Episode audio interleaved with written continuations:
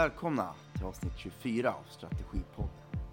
Kina har de senaste decennierna tagit allt större plats i världspolitiken och sägs vara den nya världsmakten. Men hur stabil är egentligen diktaturen och vad är deras intentioner i världspolitiken?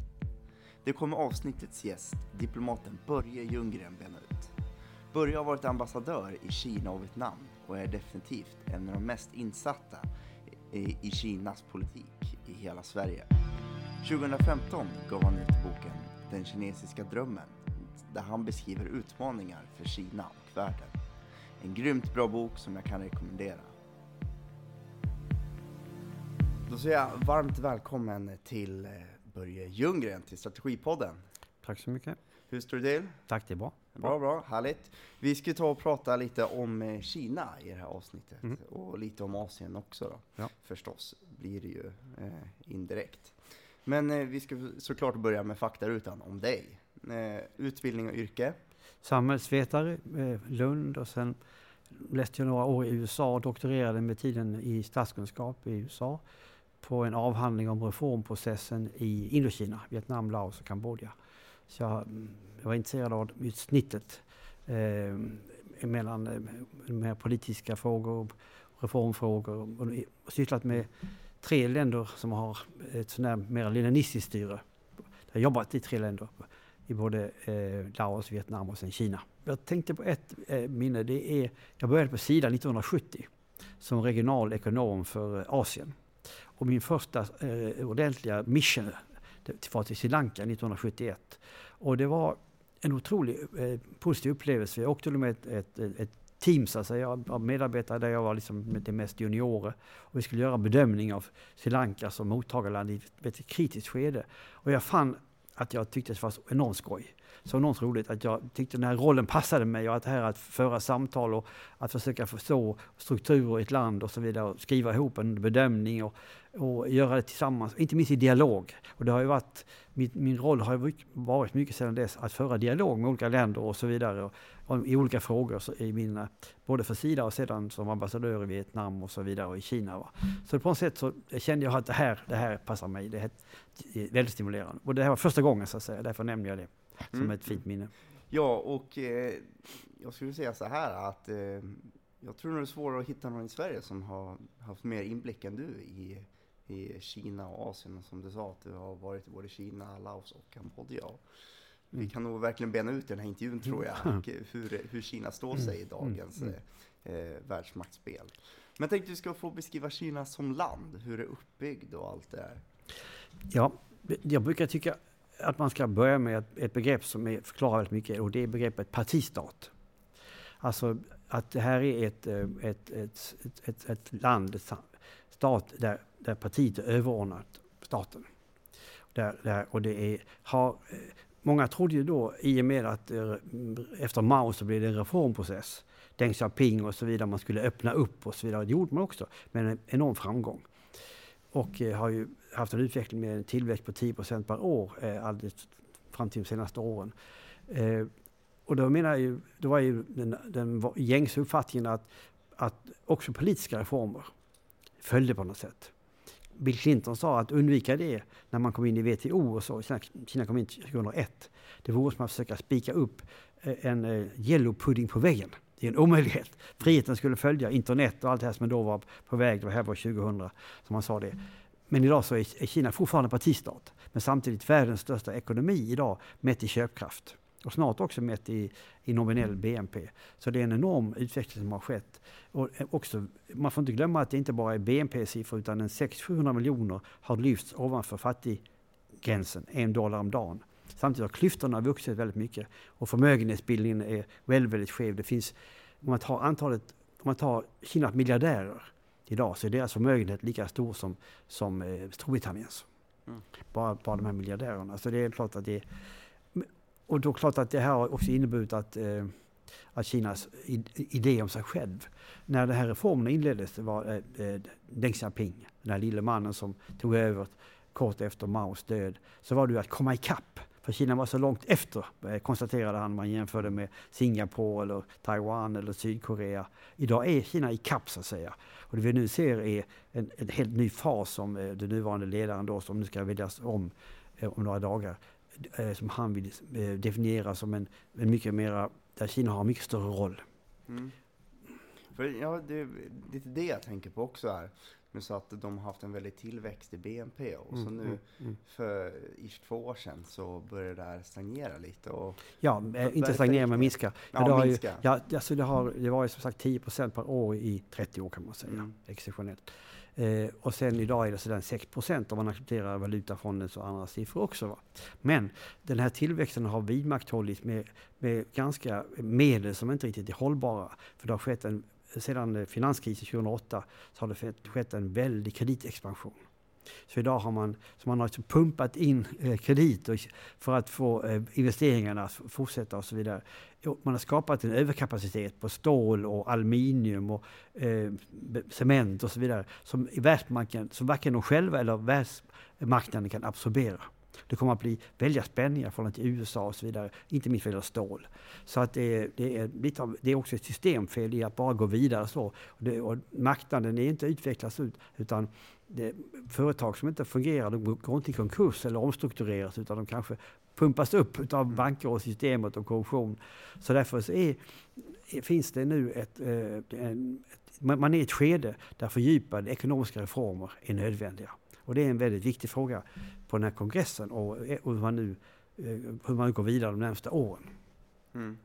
Och, och vad, vad, skulle du säga? Ja, min bedömning är att eh, det är eh, Xi Jinping nu som är partisekreterare, president, högt, han är befälhavare för, för eh, folkarmén etc. Han kallas ofta för the chairman of everything. Han har skapat väldigt många ledande grupper som är en kombination av parti och stat. Så han, och han har mycket mer makt än sina närmsta föregångare. Och, eh, man hade, det var länge så var det ett kollektivt ledarskap. Eh, det var idén, den ständiga, det ständiga utskottet i politbyrån på sju personer, nio tidigare men sju. Och det är fortfarande sju, men han är idag helt dominerande. Och nu har han möjlighet den här veckan att dessutom få in sina egna i, i, i den här ledningen helt och hållet och, mm. och, och dominera det hela. Och han är då, eh, det var inte många som insåg det när han, kom, när han kom till makten så att säga för fem år sedan. Han är väldigt fixerad vid partiets roll och partiets ledarskap.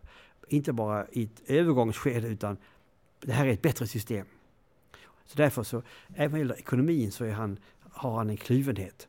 För han vet att det behövs reformer, han är rådgivare som är väldigt klar över det. Men han är också väldigt eh, engagerad för, för statsföretagens framtid och, och, att skapa större enheter och så vidare. Så att ja, han är inte, han är, och partiet ska ha en roll, vara närvarande i varenda företag, även utländska investeringar och så vidare. Så han är, han är, han är man kan säga att det är chi, som, chi versus Xi mm. i en lite schizofren situation där, han, där hans väljarmakt tror jag, man kommer inte att gå vidare mot eh, att, att marknaden får en, en, en mer entydig roll. Utan det är väldigt mycket statens intervention och partiets intervention. Och den har inte minskat de senaste åren, har snarare tilltagit. Överhuvudtaget så har partiets närvaro i hela samhället ökat. Mm. Även universitetsledningar eller tidningsredaktioners ledningar, överallt så att säga. Så civilsamhället har eh krympt snarare än vuxit. Ja, för, för det, det jag tänker på, eh, jag skulle säga att eh, han är, eh, om vi säger så här, han som eh, typ som en diktator, men mm, han är mm. inte alls lika känd. Nej, nej. Eh, men det kanske är för att vi lever här i västvärlden mm. och det är Asien, vilket gör att vi inte är lika intresserade av det. Men eh, ja, vi kan börja med den frågan. Ja, jag har träffat honom några gånger. Och första gången var eh, innan han fick en sån här position, då var han partisekreterare i en provins. Det var 2005. Och eh, jag bad att få träffa honom när jag ändå var där. I, och, eh, för jag visste att han var en av de fem eller så som kunde bli nästa ledare. Vi hade ett väldigt eh, intressant samtal. Och han är en tillgänglig person. Och vi, ofta när man träffar en ledare i Kina så gör de långa, långa utläggningar på tio minuter, och en kvart och alla siffror de har och alla kvadratkilometer och så vidare. Det blir ganska tröttsamt. Men här var det mer ett samtal. Han har också varit i Sverige så han var väldigt intresserad av, av den svenska modellen och sådär. Så har han ett evigt leende. Han, är, han, ser, han, han har ett väldigt lugn i sin person. Som man, eh, och då sa många att han kommer att bli en reformivrare. Men det har inte visat sig vara fallet ju. Men, utan han har snarare byggt upp en maktställning som ingen hade kunnat föreställa sig. Och, och, partiet var i ganska allvarlig kris när han trädde till och han har sett sig sin uppgift att rena partiet, äh, rensa bort korruption och, och så vidare. Va? Men överhuvudtaget också använda sig av inte minst internet som ett instrument för kontroll. Eh, alltså, och det här med big data och så vidare. Eh, så att han, det, det, är inte, någon, det är inte en, en brutal slags person, men det är ett system mm. eh, som har, har denna karaktär. Eh, att det ska vidmakthållas och, eh, och stabilitet är nyckelordet. Och stabiliteten kräver, eh, efterhand som förändringarna i samhället är så stora, så blir det snarare så att stabiliteten kräver ännu mera ingrepp så att säga. För att dagens Kina är ju Urbankina, med över hälften bor nu i städer, var i miljonstäder. Eh, va? Och där är en, en, ung befolkning fylld av idéer och energi. Va?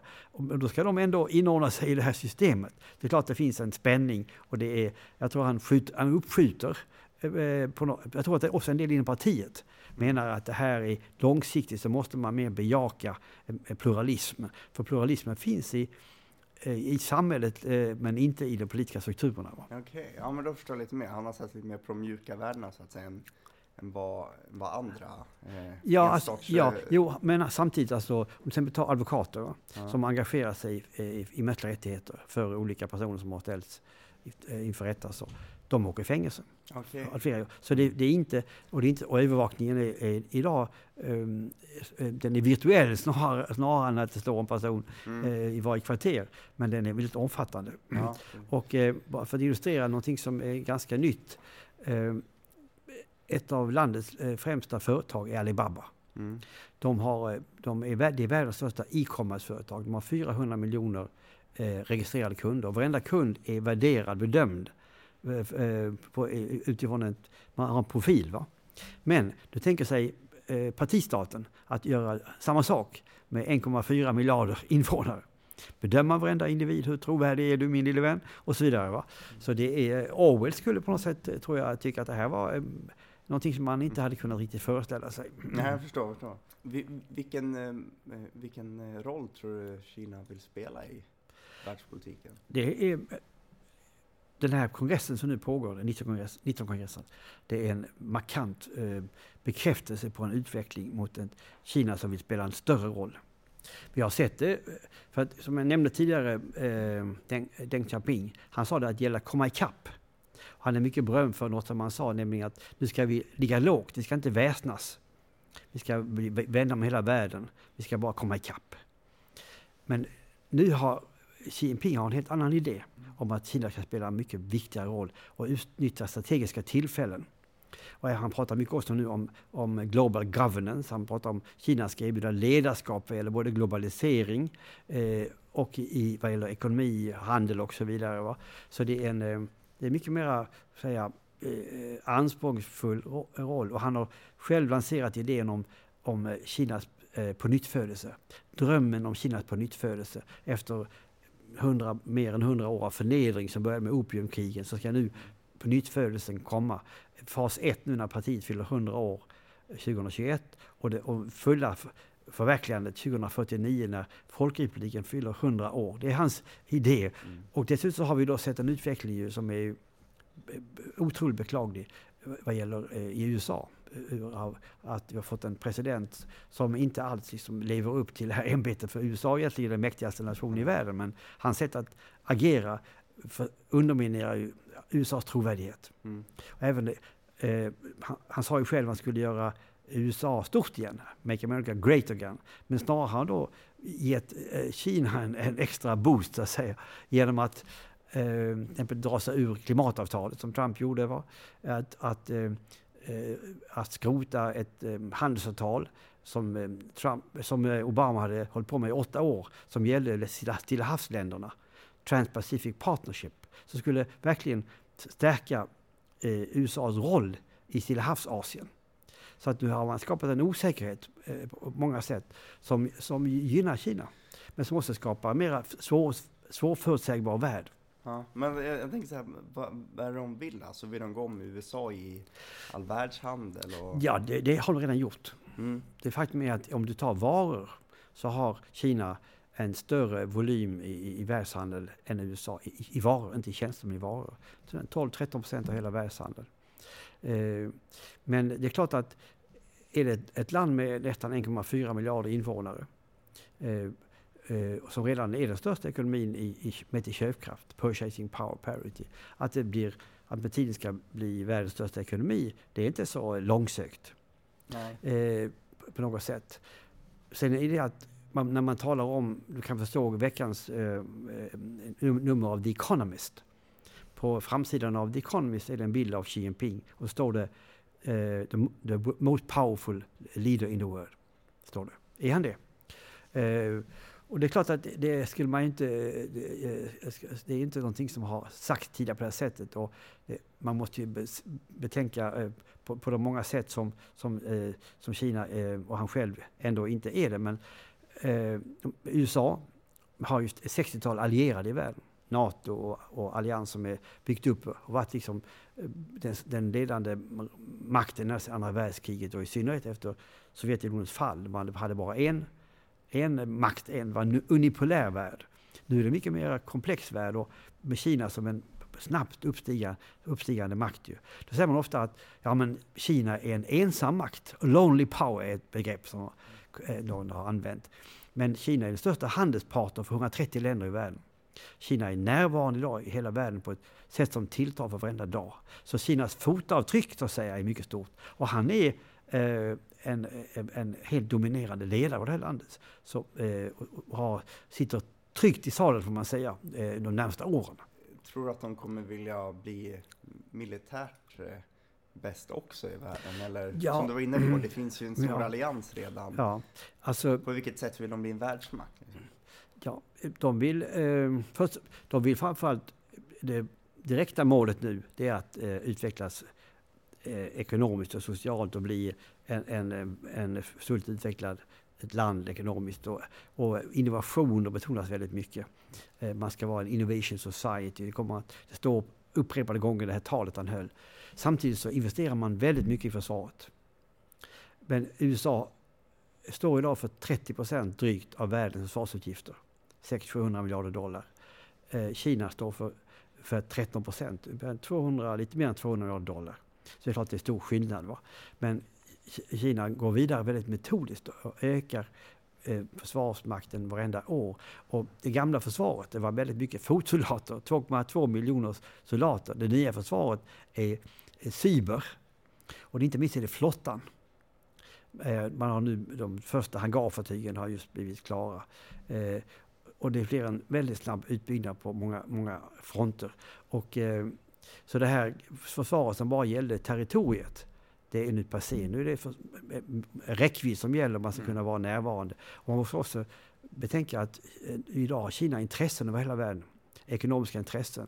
Eh, att, och det finns kineser, till exempel över en miljon kineser arbetar i Afrika och så vidare. Det gör att det finns situationer där man kan vilja ingripa så att säga. Ja. Eh, och om man, om man drar ut linjerna, om du tänker dig dra ut linjerna 30 år i tiden. Va? Det är klart att, att uh, idén, drömmen, när, i sitt tal nu har Xi Jinping betonat att den kinesiska drömmen är också ett, en dröm om ett starkt försvar. Mm. Styrka. Ja. Han talar inte om individens frihet, han talar om nationens styrka. Mm. Och Kinas det, det lite, anseende. Ja, för det är lite det jag tänker. Vad, vad, vad, har de för vinna, eller vad har de för vinning att upprusta militärt när de har så bra handelsutbyte? Jo, de har ju, de har ju eh, de eh, anser att det är en förutsättning liksom för landets utveckling. De har ju, det, det, det märkliga är att Kina um, anföll ju Eh, Vietnam i februari 79.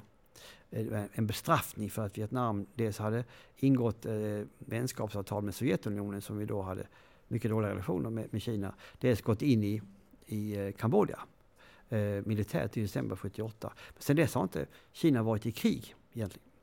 Det har varit incidenter och så vidare. Men antalet olösta konflikter i Östasien är mycket stort. I förhållande till Japan, i eh, Östkinesiska havet om eh, även territorium, i Sydkinesiska havet med Spratleyöarna och så vidare. Taiwan-frågan mm. är olöst.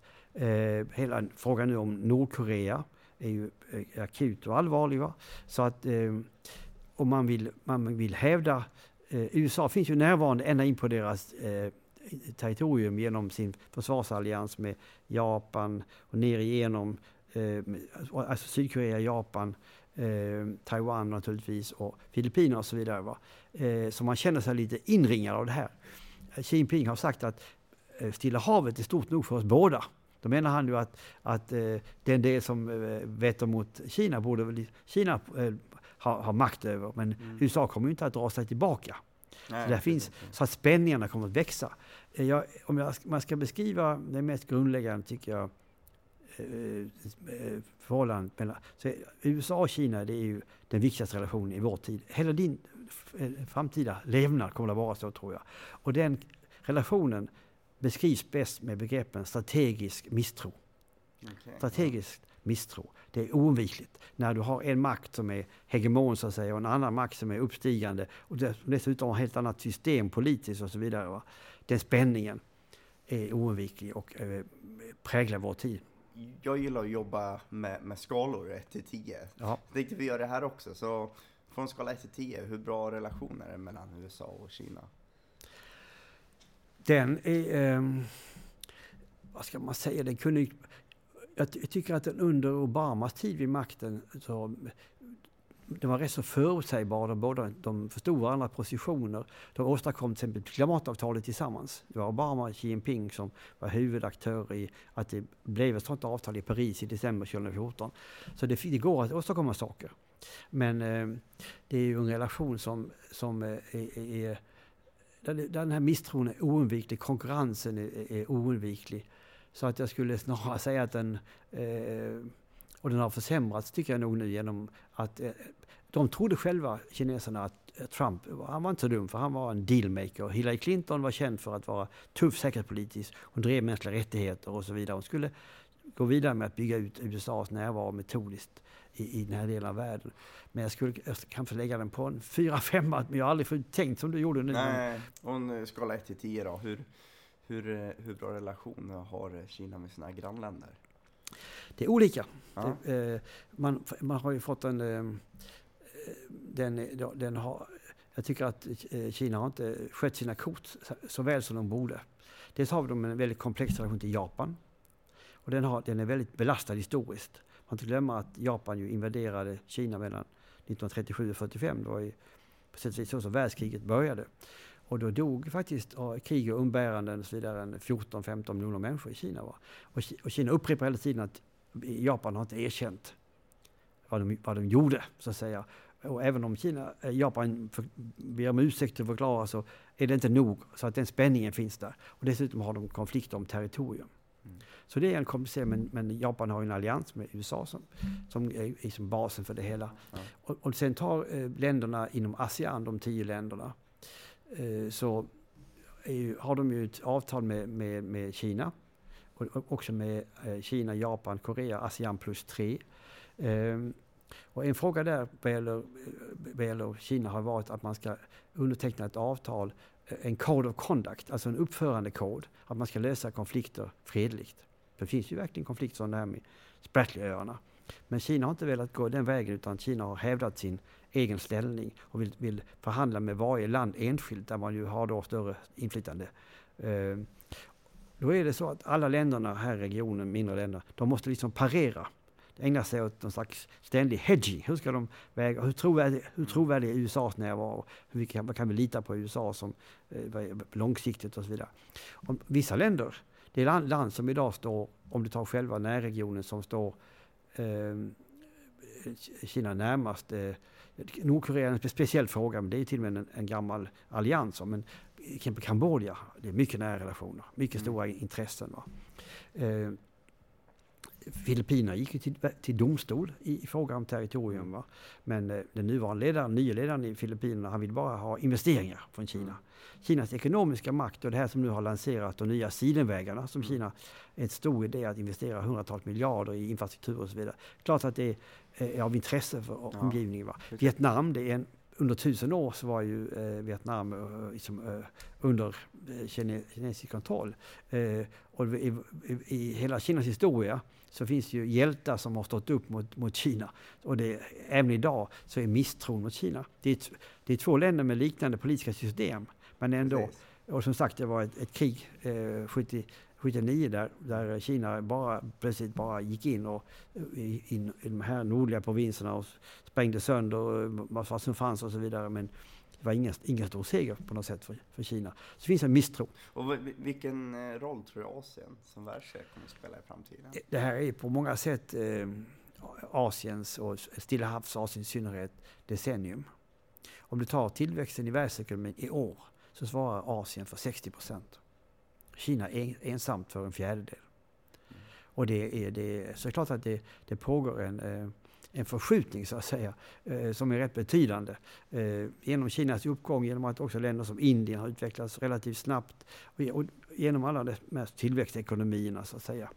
Så att den där klassiska klyftan man hade U och I-länder så att säga, med, med en stor klyfta emellan den gäller inte längre på samma sätt alls utan det är, mycket, mycket mer så att länder, att det har skett ett, ett kluster av länder som har nått upp till en, till en, en position mera i mitten.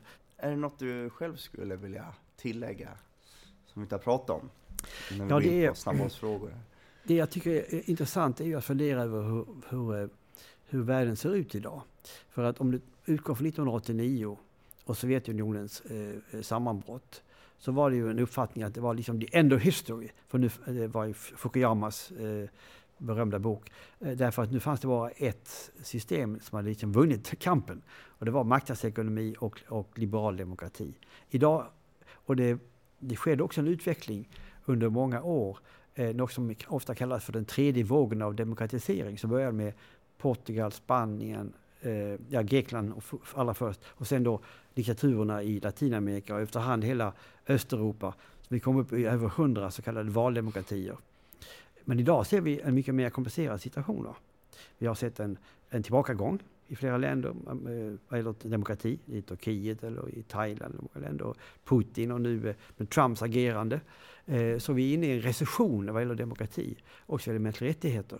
På samma sätt så har eh, en mycket intressant eh, sak var ju det tal som Xi Jinping höll i, i Davos i januari i år på den stora eh, årliga ekonomiska konferensen där han försvarade globaliseringen. Medan däremot Trump inte ifrågasätter. Mm. USA är ju arkitekten bakom vad man kallar för den liberala ekonomiska ordningen som har rått sedan andra världskriget med WTO som, som, stor, eh, eh, som en fundamental organisation. Men det där ifrågasätter ju Trump. Så man har en situation där globaliseringen ifrågasätts, där liberala ordningen ifrågasätts, eh, där demokratin är i recession, där mänskliga rättigheter är mer ifrågasatt. Vi har terrorismen som ett kroniskt fenomen, även om Raqqa nu faller. Och vi har också en, vi har sett en enorm utveckling ekonomiskt i världen, men vi har också sett klyftorna växa. Och inte minst är det många som glömmer förmögenhetsklyftorna. Åtta familjer i världen disponerar en förmögenhet som är lika stor som halva mänskligheten. Mm.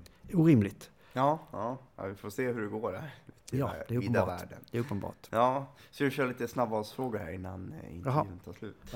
Eh, och då säger jag någonting och så ska du eh, säga vad du tänker på. Oj då. Ja. Oj då. Eh, demokrati i Kina. Jag hoppas att det kommer. Mm. Det är inte på dagordningen idag. Det är någonting som den nuvarande ledaren helt har avvisat. Ja. Eh, Nordkorea. Allvarligt. Mm. Eh, korruptionslöst Asien. Mycket, mycket avlägset. Och lördagar? Lördagar, de kan man eh, njuta av att promenera längs Mälaren där jag bor och, och eh, fördjupa sig på olika sätt i, eh, i, i litteratur och forskning och vänskaper. Det låter mysigt det. Då, då sätter vi punkt för den här intervjun. Jag okay. Tack så hemskt mycket för en intressant samtal. Tack, det var roligt. Tack, tack, tack. så mycket. Tack. I nästa avsnitt, den 15 november, är det nästan ett år sedan Donald Trump valdes till president. Men vad har han egentligen gjort och är han en sån stor fara för världspolitiken som det förutspåddes? Och kommer han kunna bygga muren mot Mexiko? Detta kommer USA detta kommer USA-experten Jan Hallenberg förklara, som har otroligt lång erfarenhet av USAs politik. Ett större problem vad gäller EU eftersom presidenten ogillar de här institutionerna. Han förstår inte riktigt EU och han förstår definitivt inte EUs centrala roll i europeisk politik. Följ Strategipodden på Facebook, Twitter och Instagram. Tack för att